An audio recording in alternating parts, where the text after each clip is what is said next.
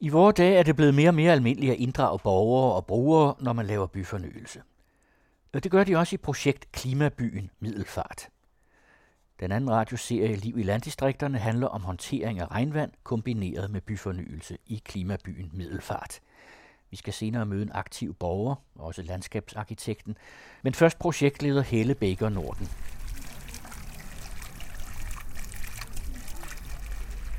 Middelfart er jo en uendelig smuk by. Jeg bor her ikke engang selv.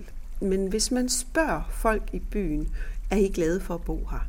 Så svarer de hver gang i toppen af, hvis man sammenligner Danmark på kryds og tværs, at middelfartborgerne er utrolig glade for at bo her. Og det de svarer, det er ikke mindst på grund af naturen omkring. Middelfart ligger jo på en halvø med skov til begge sider, med broer, der forbinder Fyn og Jylland, så man ligger faktisk i sådan en lille bugt imellem to broer, helt ud til vandet. Det er meget strømfyldt farvand her i Lillebælt, så det der er lidt pudsigt, man har vandet tæt på i byen, men man kan ikke rigtig komme ud og røre det, fordi det er både farligt, der er meget strøm, og der, der er vældig dybt. Det her projektområde for klima byen, det er det projekt, vi skal tale om, det er på 45 hektar, der er der et terrænspring på 38 meter. Fra Kode 2, der ligger nede ved den gamle historiske havn, til en kode 40, som ligger oppe i det bagerste sydvestlige hjørne af projektområdet. Så vandet fosser jo i virkeligheden voldsomt ned over den her kæmpe skrænt, den her kæmpe lerskrænt, som Middelfart er bygget på. Det er Middelfart Kommune, Middelfart Spildevand og Realdania, der står bag. Vi spørger projektleder Helle Baker Norden, hvorfor man er gået i gang med dette klima- og regnvandsprojekt.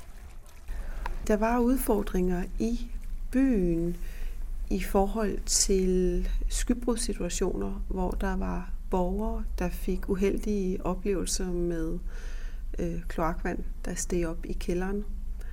Og der var overløb ud til bæltet af urenset vand. Så forsyningen stod over for et valg imellem en traditionel løsning, som ville betyde større kloakrør, ikke mindst nede i den historiske bymidte, eller alternativt, at man valgte at beholde regnvandet på overfladen af byen og håndtere det der og bruge det som en ressource, så at man både fik en mere sikker by, men man får også en by, som er grønnere og smukkere og sjovere. Og økonomien var bedre i den sidste løsning øh, i forhold til den traditionelle løsning med at øh, lave større rør. Vandet har ikke det har problemer med at trænge ned i undergrunden? Ja, ja det har det også, fordi middelfart øh, netop er bygget på den her lerskrant. Det betyder også, at øh, leret er kan blive ustabilt. Det har vi talt meget om. Så det med at håndtere regnen på overfladen, det er en nødvendighed, fordi ikke alle steder er der mulighed for, at øh, regnvandet kan sive ned. Og hvad sker der så i middelfart, når det regner rigtig voldsomt? Jamen så er der øh, borgere, som har problemer med, øh, og gentagende problemer med opstuning af kloakvand. Altså beskidt regnvand, der er kommet ned til kloakken, øh, og kloakken kan ikke håndtere det. Og så stiger det her øh, meget trælse vand op i folks kældre. Ikke alle steder, men nogle steder. Der er nogle boliger, der er mere udsatte end andre. Øh, på samme tid kan vi ikke øh, rense det her øh, kloakvand i et øh, tilpas tempo, så der er overløb, direkte overløb af beskidt vand ud i bæltet ved de her hændelser. Og det er bestemt ikke hensigtsmæssigt, så det er jo også noget det projektet, det øh, får dæmmet op for. Og på de her gamle brostensbelagte gader, øh, er det så vandet, der suser ned over brostenene? Jamen, som det er i øjeblikket, så har vi jo en traditionel vejopbygning, et vejprofil, om man vil, hvor man har et højdepunkt, der ligger inde på midten af vejen, og så håndterer man vandet, regnvandet ude i kanten. Og der er de her rendestens brønde. der er tre naturlige forløb af regnvandet ned igennem det samlede projektområde. Men i det delområde, som vedrører den historiske bymidte, der vender vi simpelthen vejprofilet om til den måde, vi håndterede vandet på historisk herhjemme. Det var inde i midten af vejen, altså væk fra husene. Og det er også den måde, man ser vandet håndteres på, hvis vi tager til Sydeuropa, Spanien, Italien, Portugal, hvor vi har haft skybrud, eller de har haft skybrud i mange, mange år, før vi har fået det op på de her breddegrader. Der har de et dybdepunkt inde på midten af vejen, hvor vandet løber. Så det er sådan set gammel, latent viden, som vi tager i brug, når vi nu sådan laver et nyt profil og klimasikrer den historiske del af middelfart. Hvad skal der så ske med vejen? De gamle brostensgader? Den måde, det kommer til at se ud på, er resultatet af en arkitektkonkurrence, der er blevet lavet. Og i projektet, som vi så det, da vinderprojektet blev udpeget i foråret 15, der var der anvendt brosten i den historiske bymidte som et belægningsmateriale på kørebanen. Der har så været borgere, der med rette, kan man sige, påstår eller er ked af, at øh, det larmer, når der bliver kørt på de her brosten. Og det er jo de selvfølgelig ked af, fordi der bor folk her. Så overvejede vi, om vi skulle save, lave savet brostensbelægning, således man får en flad overflade, men stadigvæk med granit og de samme formater, forbander osv. Men så er det jo ikke rigtig brosten. Ikke sådan rigtig. Den har ikke den der stoflighed, som man har i de gamle smukke gader. Så tænkte vi sådan, tog en tur til i Manesien og tænkte, jamen, hvorfor dog ikke bruge det, som er et særkende for området. Dels at byen er bygget på den her lerskrænt, men også tage afsæt i Danmarks Keramikmuseum, Clay, som lige har fået en meget fin ny tilbygning. Og i sin nye form hedder Keramikmuseet Clay, altså ler. Og det har vi sådan set lavet os inspirere af, så vi nu bruger leret som belægningsmateriale i en del af klimabyen. I de dele af byen, hvor vi har vandhåndteringselementer. Det vil sige også i den historiske by, så er det både på veje og på fortov. Der får vi fine, fine klinker, som er hårdt brændte i en særlig middelfart klinke, som vi skal i gang med at udvikle. Og hvis vi tager fat igen i den historiske bymidte, hvor vi sidder nu, så bliver fortovene udvidet. Som det er lige nu, så kan man fra nogle af de meget gamle huse, så går man ud af sin fine lille trappe, og så træder man direkte ud på kørebanen. Så der bliver lidt bredere fortov, og de små veje nogle få steder bliver ensrettet, så vi indsnæver kørebanen og får den her sammenhængende belægning fra, i hvert fald i forhold til det klinker, men med forskellige typer klinker på fortov og kørebane selvfølgelig, øh, således man får sådan det her klinketæppe, om man vil, fra væg til væg ude i byrummet i den historiske bymitte. Og så bliver vandet så lidt ned over, som du siger, i den her skålformede øh, ja. vej. Ja. Hvor kommer vandet så hen? I, I den her del af projektet, der havner det nede på den historiske del af havnen. Det, det vi kalder Gammel Havn. Det er her, de gamle træskibe de hører til, og lige et stenkast derfra ligger det gamle træskibsværft. Men nede under Gammel Havn, der ligger den gamle skibsbro. Nu skal vi jo ned og grave, og vi skal have fundet den reelle placering og form af den gamle skibsbro, og den form, den projicerer vi op, om man vil, på overfladen af havnen. Og det bliver det her vandhåndteringselement, som egentlig bliver også en, et skålformet tro. Så vandet kommer altså den her kilometer ned af bakken, voldsom fart, og bliver samlet op i det her tro, som har formen af den gamle skibsbro. Og det, det her tro får så den dobbelt funktion, at der, den kan bruges som scene, den kan bruges som bassin. Når vi ikke skal bruge det til at håndtere regnvand til skybrud, så pumper vi vandet fra bæltet op, så børnene kan lege i det. Og så tømmer vi det selvfølgelig, inden vi skal bruge det. Så bliver der lagt nogle varslingssystemer ind i det. Og det her det er kun det ene sted, hvor vandet bliver lidt ud i bæltet fra klimabyen.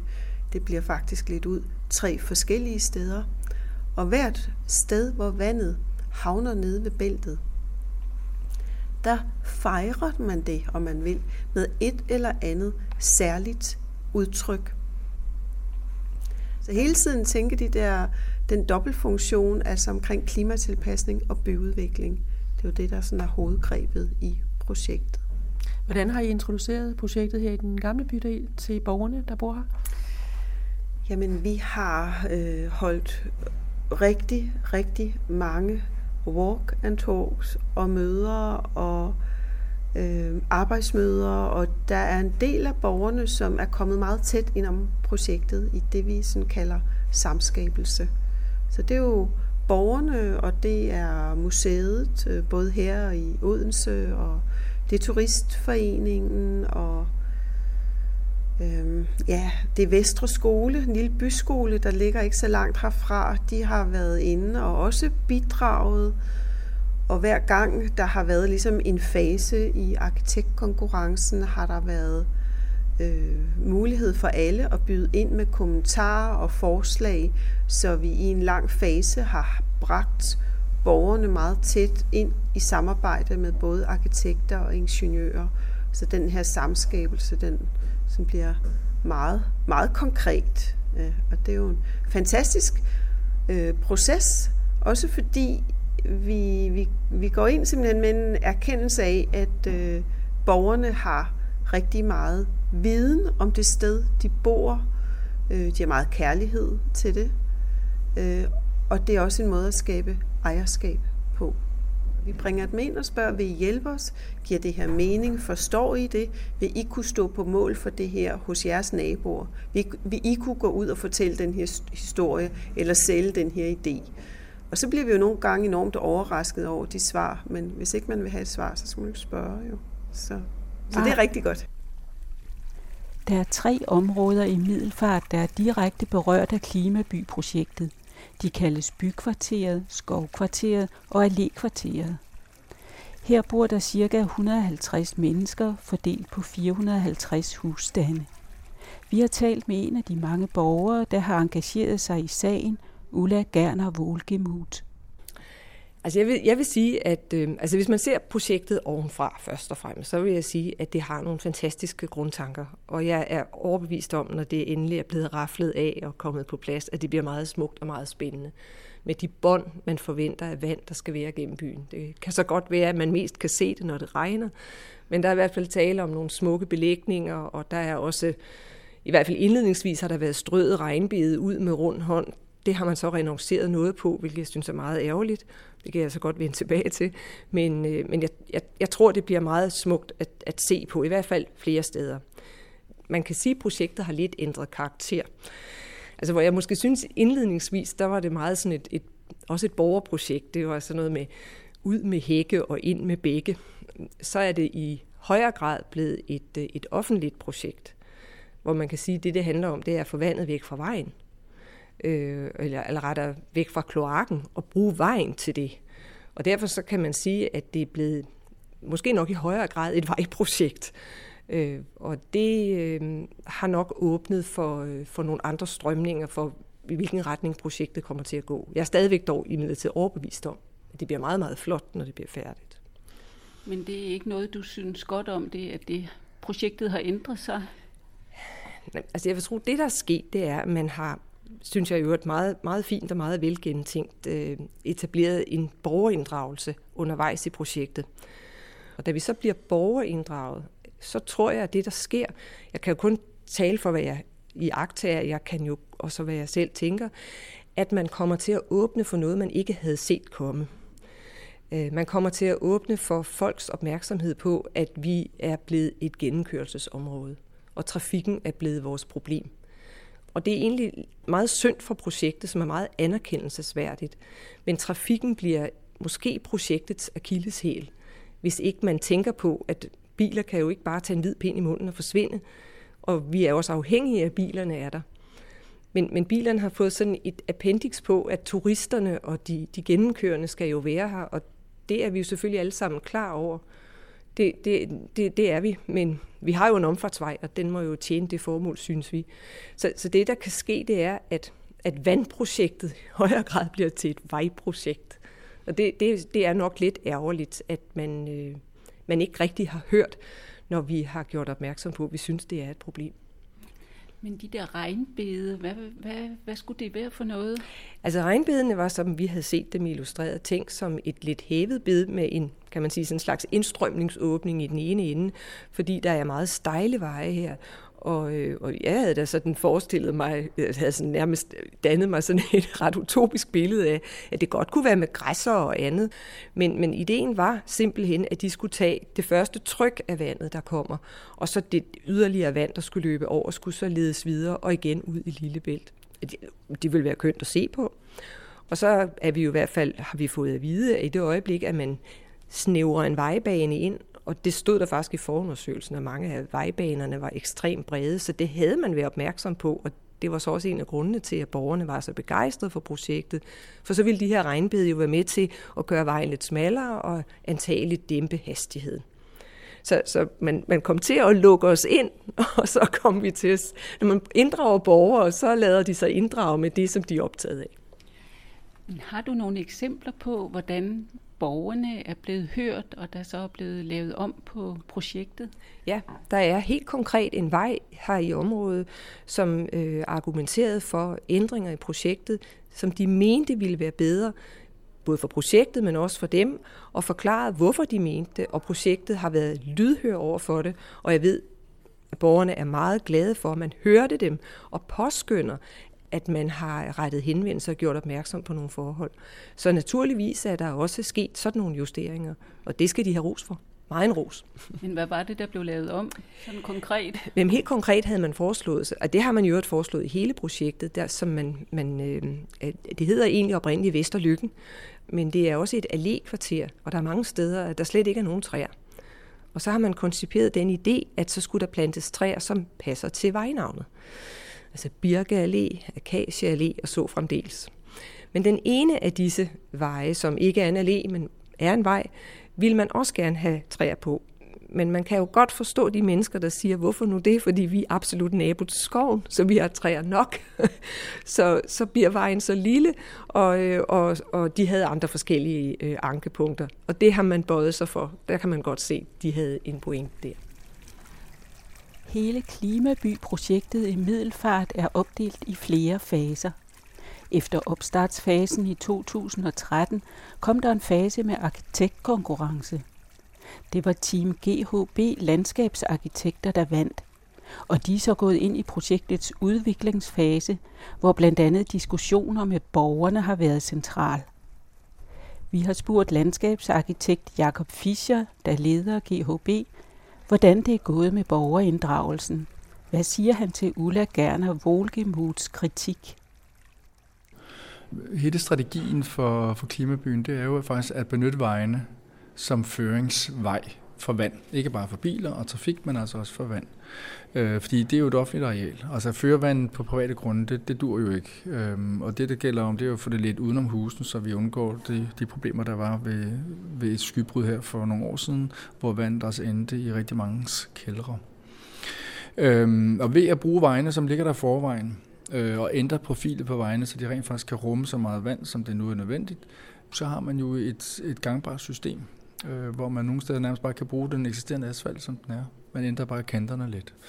Så derfor er det jo ikke helt forkert at sige, at det er fra at være et vandprojekt, er gået hen og blive et vejprojekt, fordi man bruger vejene.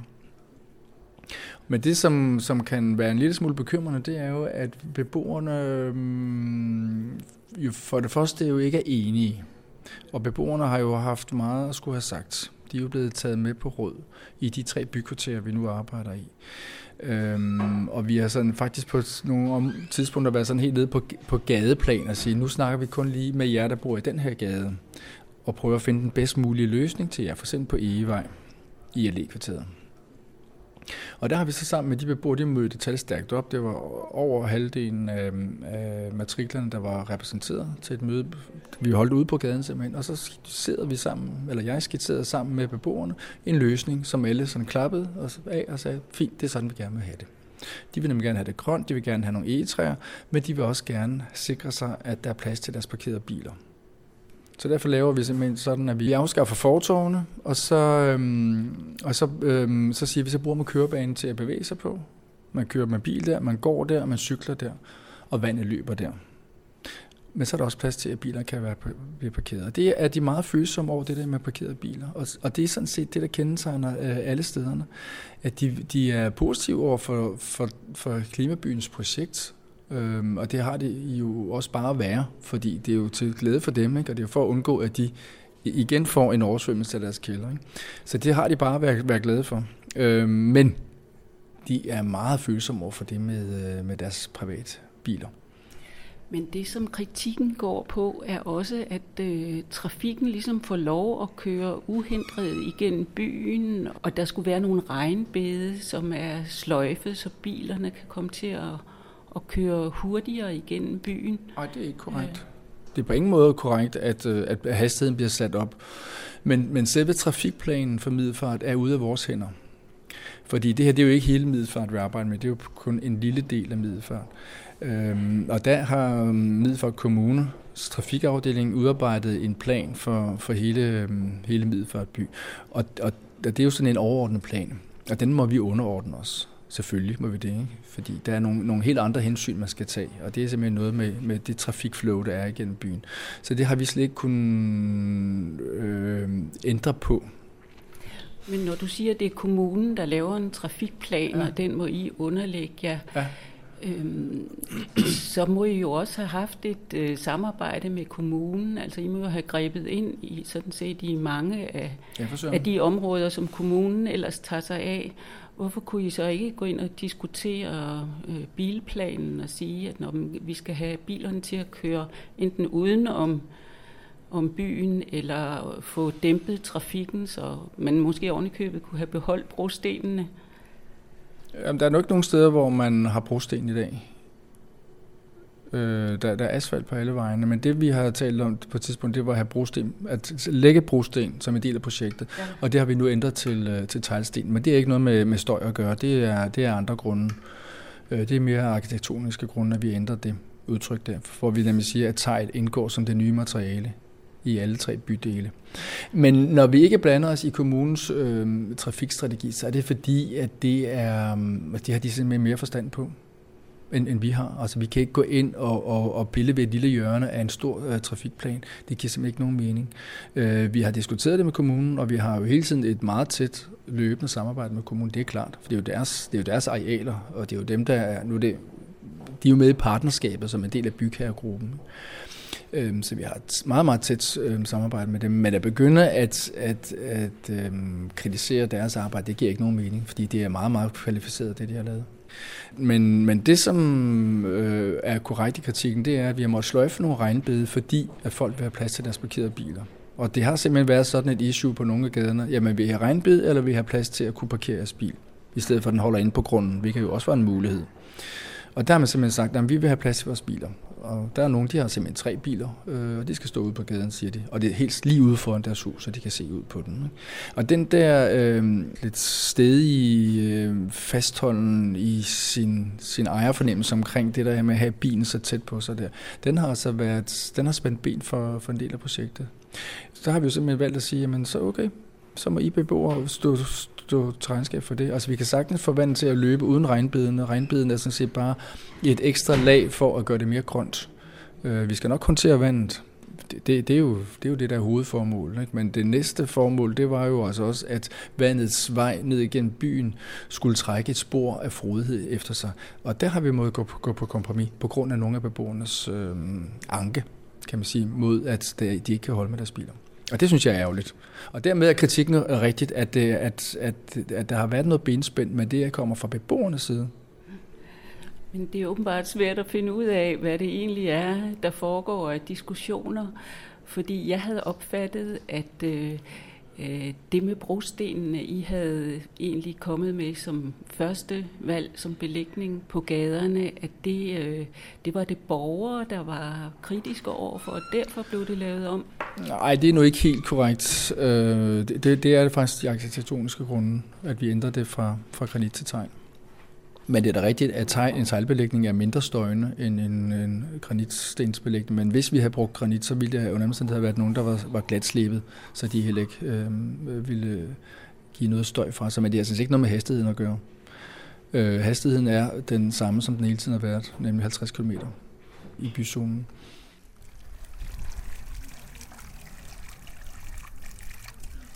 Vandet fra Allé-kvarteret har ligesom sin, sin egen historie, fordi fra Allé-kvarteret, det ligger sådan halvvejs op ad bakken, nu hvis man skal forestille sig det, derfra så skal det jo ned i bæltet.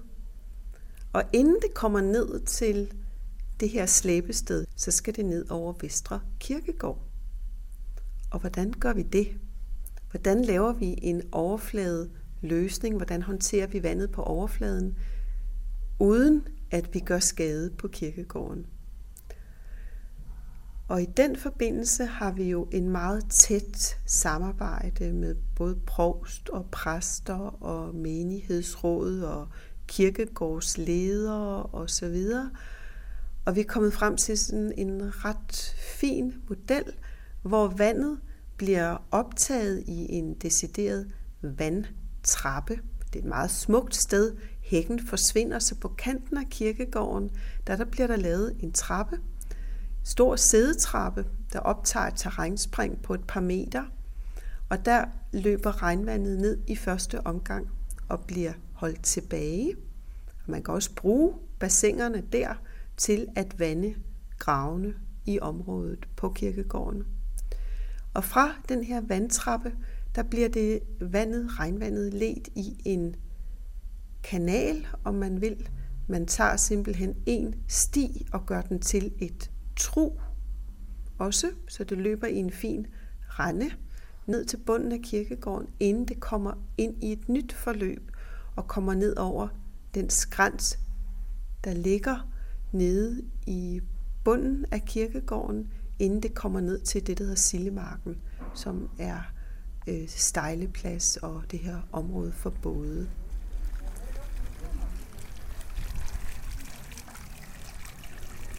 Dels er der borgerne, men der er jo også kirken øh, er jo også en part i det her. De, de, de har både øh, kirken, men de har også øh, ikke mindre end to kirkegårde, som ligger i området der. Øhm, og dem har vi jo også holdt møder med, og de har jo udvist stor interesse og været enormt øh, øh, positive for at være en del af det her projekt øh, der kunne de jo godt have valgt en helt anden attitude og sagt, nej, vi vil ikke have vand til at løbe ned igennem vores kirkegård, og nej, der skal ikke ændres på noget her, og nej, vi vil ikke have en ny indgang her osv. Men der har de simpelthen haft ja-hatten på. Men havde de fra kirkens side nogle forslag til ændringer, ja. som I øh, har imødekommet? Ja, Ja, kirken er selv, simpelthen selv kommet med nogle forslag til, at man kunne jo også gøre sådan og sådan. Det havde vi slet ikke drømt om, at det kunne lade sig gøre. Og, og så gar var der tale om at flytte en grav. Det troede jeg slet ikke kunne lade sig gøre. Det bliver så ikke aktuelt, at vi gør det, men, men alene det, at de ligesom selv foreslår det, at, at hvis man fik en bedre løsning ved at flytte en grav, så var det da nok muligt at gøre det. Så skulle man bare lige spørge de pårørende og sådan noget. Så, så ja, de har selv været inde med nogle ønsker. Øh, og, og? Jamen det er blandt andet øh, en ny indgang og en mulighed for at gå igennem kirkegården, for at gøre den mere aktiv simpelthen. Altså, de er ikke interesseret i, at kirkegården bliver sådan et lukket område. Øhm, øh, det giver også mere tryghed faktisk, at der, er, at, at der ligesom er bevægelse igennem i kirkegården, at den bliver befolket. Altså for eksempel øh, kirkegårdslederen der, han, øh, han har jo stor plantekendskab for eksempel. Så han er kommet med forslag til, hvilke træer vi skulle bruge. Øhm, øh, fordi han, ja, han er fuldt ud lige så kvalificeret, som, som vi er, og, og måske bedre, fordi han kender sig til de helt lokale klimaforhold og sådan noget. Så, så at lytte til, til sådan nogle lokale eksperter, det skal man jo altid gøre. Og det er det samme princip, der sker med, med alle vejene, altså at de bliver skål formet? Nej, det, nej, vandet bliver håndteret på forskellige måder. Det er kun i den historiske bymidte, øh, fra Adlerhus, porten og ned til Gammel Havn, at vejen får det her skålformede profil. I skovkvarteret, der er grebet et helt andet. Analogien er sådan, eller billedet på det er en lille elv, om man vil, i Norge, hvor man bare ser, at vandet har et lidt mere organisk, mere organisk måde at bevæge sig på. Så der fjerner man simpelthen nogle fortorve og laver regnbede, indsnæver vejbanen, og så laver man de her grønne løsninger, og det er de grønne løsninger der, der håndterer regnvandet ved normale regnvandshændelser eller regnhændelser. Og så i skybrudssituationer, så sker der lidt nogle andre ting, at så bliver vandet ledt et andet sted hen. I det her tilfælde kommer det ned på det, der kommer til at hedde aktivitetsskoven, som i øjeblikket er en ret kedelig træningsbane. Den ser kedelig ud, det er den sikkert ikke, hvis man fiser rundt med en bold, men det her grønne areal, som bare er en græsplæne nu, det ændrer sig til at blive et område, hvor vi både håndterer skybrudsvand, regnvand i store mængder, og til særlige aktiviteter. Og der er vi i dialog med både Lokale Anlægsfonden og Nordea-fonden for at se, om de har lyst til at hjælpe os med at opgradere de oprindelige visioner for det her område. Vi taler om et areal, som bliver et område for idræt og bevægelse og leg. Og der har vi fået rigtig gode input fra 6. klasserne på Vestre Skole. 6. klasserne er gode at arbejde sammen med, for de er ikke sådan helt hormonelle endnu, og de har sådan en vis grad af konsekvens beregning, sådan et forståelsesrum, at hvis man gør noget her, så sker der noget andet derovre. Så de er kommet med input. Vi har lavet sådan en walk and talk med dem, og de har lavet modeller, og de har vist os nogle, lad os bare kalde dem ret alternative ruter fra skolen og op i det område.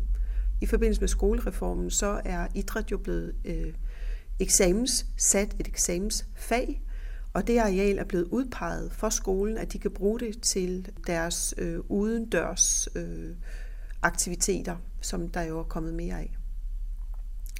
Men det her areal, det her aktivitetsskoven, der er vi lige præcis nu i en øh, fase, hvor vi øh, tænker, hvordan kan vi mobilisere de potentielle brugere i det her område.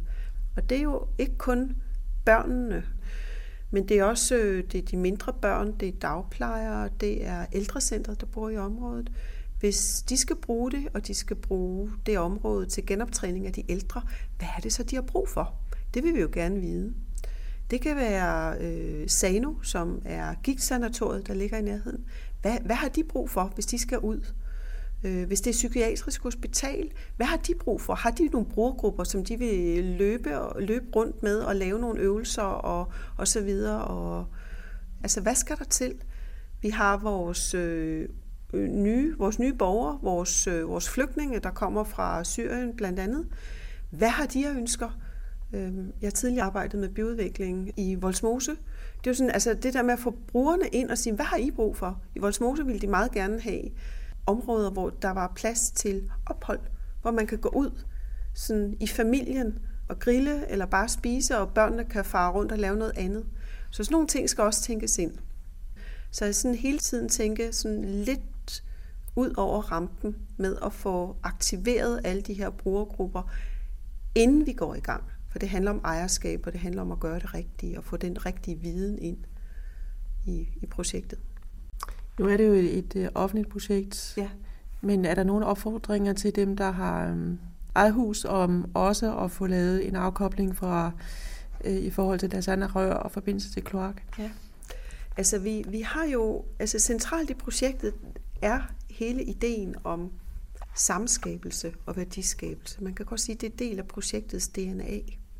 Så den her samskabelse og den her med, med borgerne og beboerne i området, den er utrolig vigtig. Vi har ikke nogen pisk i det her projekt. Det er ikke sådan, at vi siger, hvis ikke I håndterer regnvandet på egen grund, altså med andre ord afkobler jeres regnvand fra kloakken, så har I udsigt til en dyr, separat kloakering. Det har vi ikke. Altså, vi forsøger igennem viden og engagement omkring det projekt, der foregår ude på offentlig areal, altså Klimabyprojektet, at mobilisere en interesse hos borgerne. Og en erkendelse af, og den er der, må jeg sige, at borgerne er klar over, at det er ikke nødvendigvis for min eller din generation, men det er for vores børns og vores børnebørns generation, at vi gør det her. Og det er i virkeligheden ikke et spørgsmål om jeg vil, det er måske i virkeligheden mere et spørgsmål om hvornår. Så har vi en lille pose penge i projektet, hvor vi går ind og forsøger at klæde borgerne bedre på til at træffe den her beslutning.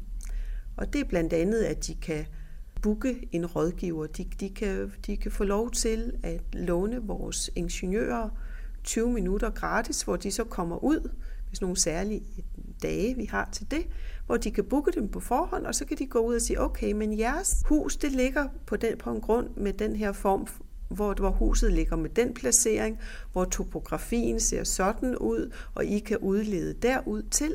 Så sådan en lille basis grundviden om forholdene på området. Så har vi lavet kurser for dels borgere, altså LAR-kurser. Hvad, hvad vil det sige at håndtere regnvand på egen grund? Hvad, hvad er udfordringerne? Hvad er mulighederne? Hvad er glæderne? Hvad koster det? Og folk kan i øvrigt også få deres øh, regnvandsbidrag øh, tilbage, altså det tilslutningsbidrag, de har. Øh, og det er omkring 24.000 kroner.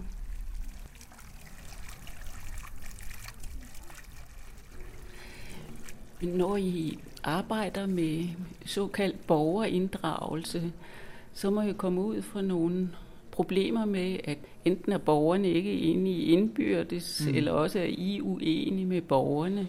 Altså, hvordan løser man så nogle konflikter? Mm, altså, først og fremmest så er vi jo rådgiver. Og vi er jo hyret af Klimabyen, altså partnerskabet mellem Realdania og kommunen og Middelfars Spildevand. Øhm, og som rådgiver, så skal vi jo rådgive. Og vi skal rådgive til den, den bedst mulige løsning. Og, og brugerne, det er jo borgerne. Og vi skal sikre os, at brugerne er tilfredse.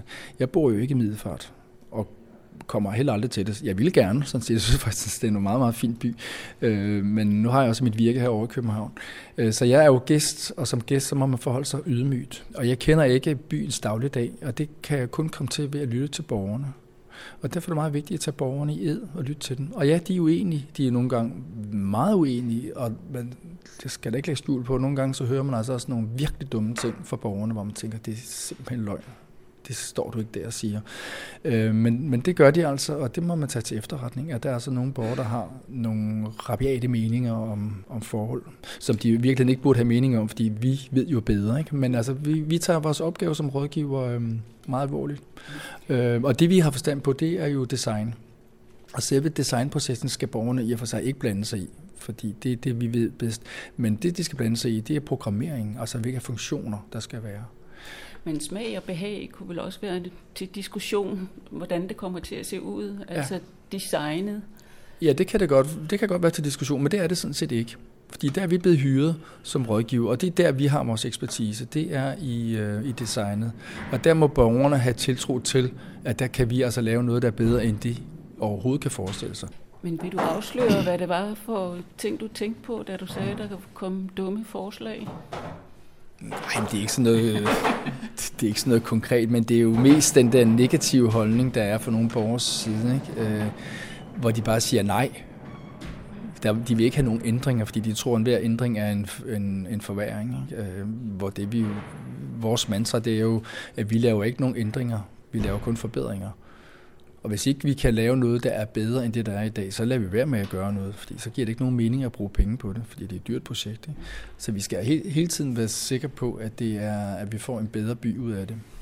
Men det bliver vel også en meget anderledes by at gå rundt i og se på, gør det ikke det? Jo, det gør det, og det bliver, det bliver mere frodig by, og det bliver mere sammenhængende by også. Helt sikkert. Øh, men, men nu spurgte du om, hvordan man, man takter de problemer der med, med borgeren. Der. Altså, det, det, der sådan set nogle gange er den nemmeste strategi, det er at lade borgerne selv diskutere det. Øhm, fordi der er jo, øh, lige så vel som der er, er mange, der er negative, så er der også rigtig, rigtig mange, der er positive. Og, øhm, og det der nogle gange er kunsten, når man arbejder med borgerinddragelse, det er jo at træde skridt tilbage, og så lade borgerne selv diskutere.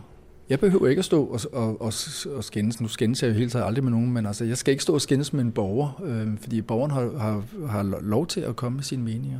Men så kan borgeren, der sidder ved siden af på stolen nu, som mener noget andet, så kan de to så diskutere. Og som regel så kommer der ro på til sidst, og, øh, og vi finder en løsning. Altså, vi har jo arbejdet med, med borgerinddragelse i, i 15 år, og der er jo altid kommet noget godt ud af det, og folk er altid tilfredse. Og selvom nogen truer med, at nu flytter jeg herfra, fordi det bliver der noget værre noget, det gør de jo ikke, og som regel er de jo tilfredse. Men I kunne ikke sige, at det vil vi ikke tage hensyn til, fordi det forringer projektet. Nu bestemmer vi. Øh, det kunne vi godt gøre, men det vil vi blive meget upopulære på. Det er vigtigt at hente begejstringen hos beboerne. Så når de var sådan så, så rimelig massivt enige om, at sådan skulle det også være, så bliver vi nødt til at rette os efter dem. Det er, deres, det er jo deres vej. Ja, det er det jo ikke. Det er en offentlig vej, ikke? men altså, det er dem, der bruger den. Det er dem, der, der, der skal se på den hver dag. Og, og, men altså, det er der hele tiden en problematik, men altså, hvis man, skal, hvis man trumler en bestemt holdning igennem, det synes jeg også, jeg har set rigtig mange eksempler på, at det kommer der altså ikke noget godt ud af. Hvad kunne der så ske?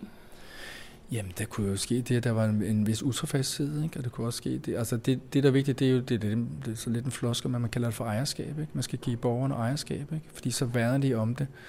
Øhm, og hvis ikke de har ejerskab, så kan de begynde at have det, så kan de jo simpelthen begynde at, at udøve selvtægt, altså gå ud og fælde træerne, eller begynde at parkere ude i regnbiden, fordi her, det mener de, at de har ret til, og sådan, ikke? Altså, at de, at de på den måde ikke er en del af projektet.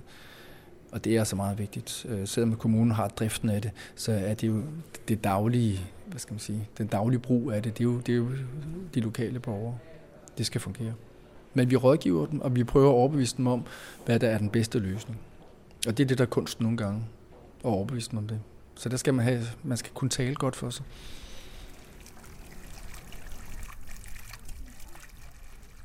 Altså for mit eget vedkommende synes jeg bestemt, at jeg har været inddraget. Det er ikke det samme som, at jeg føler, at der er blevet taget ultimativt hensyn til mine synspunkter, men jeg, det ville være at, at, øh, at, at, at tale fejl og sige, at jeg ikke var blevet inddraget. Dermed ikke sagt, at der sagtens kan være nogen, der synes, at fordi de ikke fik ret, så, så er de ikke blevet inddraget. Men de, de to ting, det er jo ikke en årsagssammenhæng, som man ikke nødvendigvis øh, er, er korrekt. Og, og det vil vel altid være sådan. Og, øh, Altså, der er nogen, der er blevet hørt, og ikke alle, men sådan er det jo. vi, kan ikke, vi kan ikke alle få det. Men jeg håber alligevel, for det er jo det, som er projektets idé, og det er jo også det, som en af donatorerne fremhæver, æstetikken og roen og byrummet for de mennesker, der bor der. Det, at man øh, samtidig tænker andre ting ind, når man nu er i gang, som at når vi nu gør det her ved den her vej, skulle vi så ikke med det samme også sørge for, at fortorvet er lidt bredere, eller, eller belægningen er smukkere, eller der er plads til, at de mennesker, der bor, kan have et bed. Altså det bliver jeg rigtig glad over, og det synes jeg, at både kommunen og projektet skal have ros for. Klimabyen Middelfart går snart ind i anlægsfasen. Projektet ventes helt færdigt i november 2017. Man håber, at andre byer kan blive inspireret og en del af projektet er faktisk lige blevet udpeget til at deltage i Arkitekturbiennalen i Venedig i år. Den anden radioserie Liv i landdistrikterne tilrettelægges af Anne Eggen, Christine Grossmann Due og Bodil Grove. Den støttes af Realdania, Drejers Fond og 15. Juni Fonden.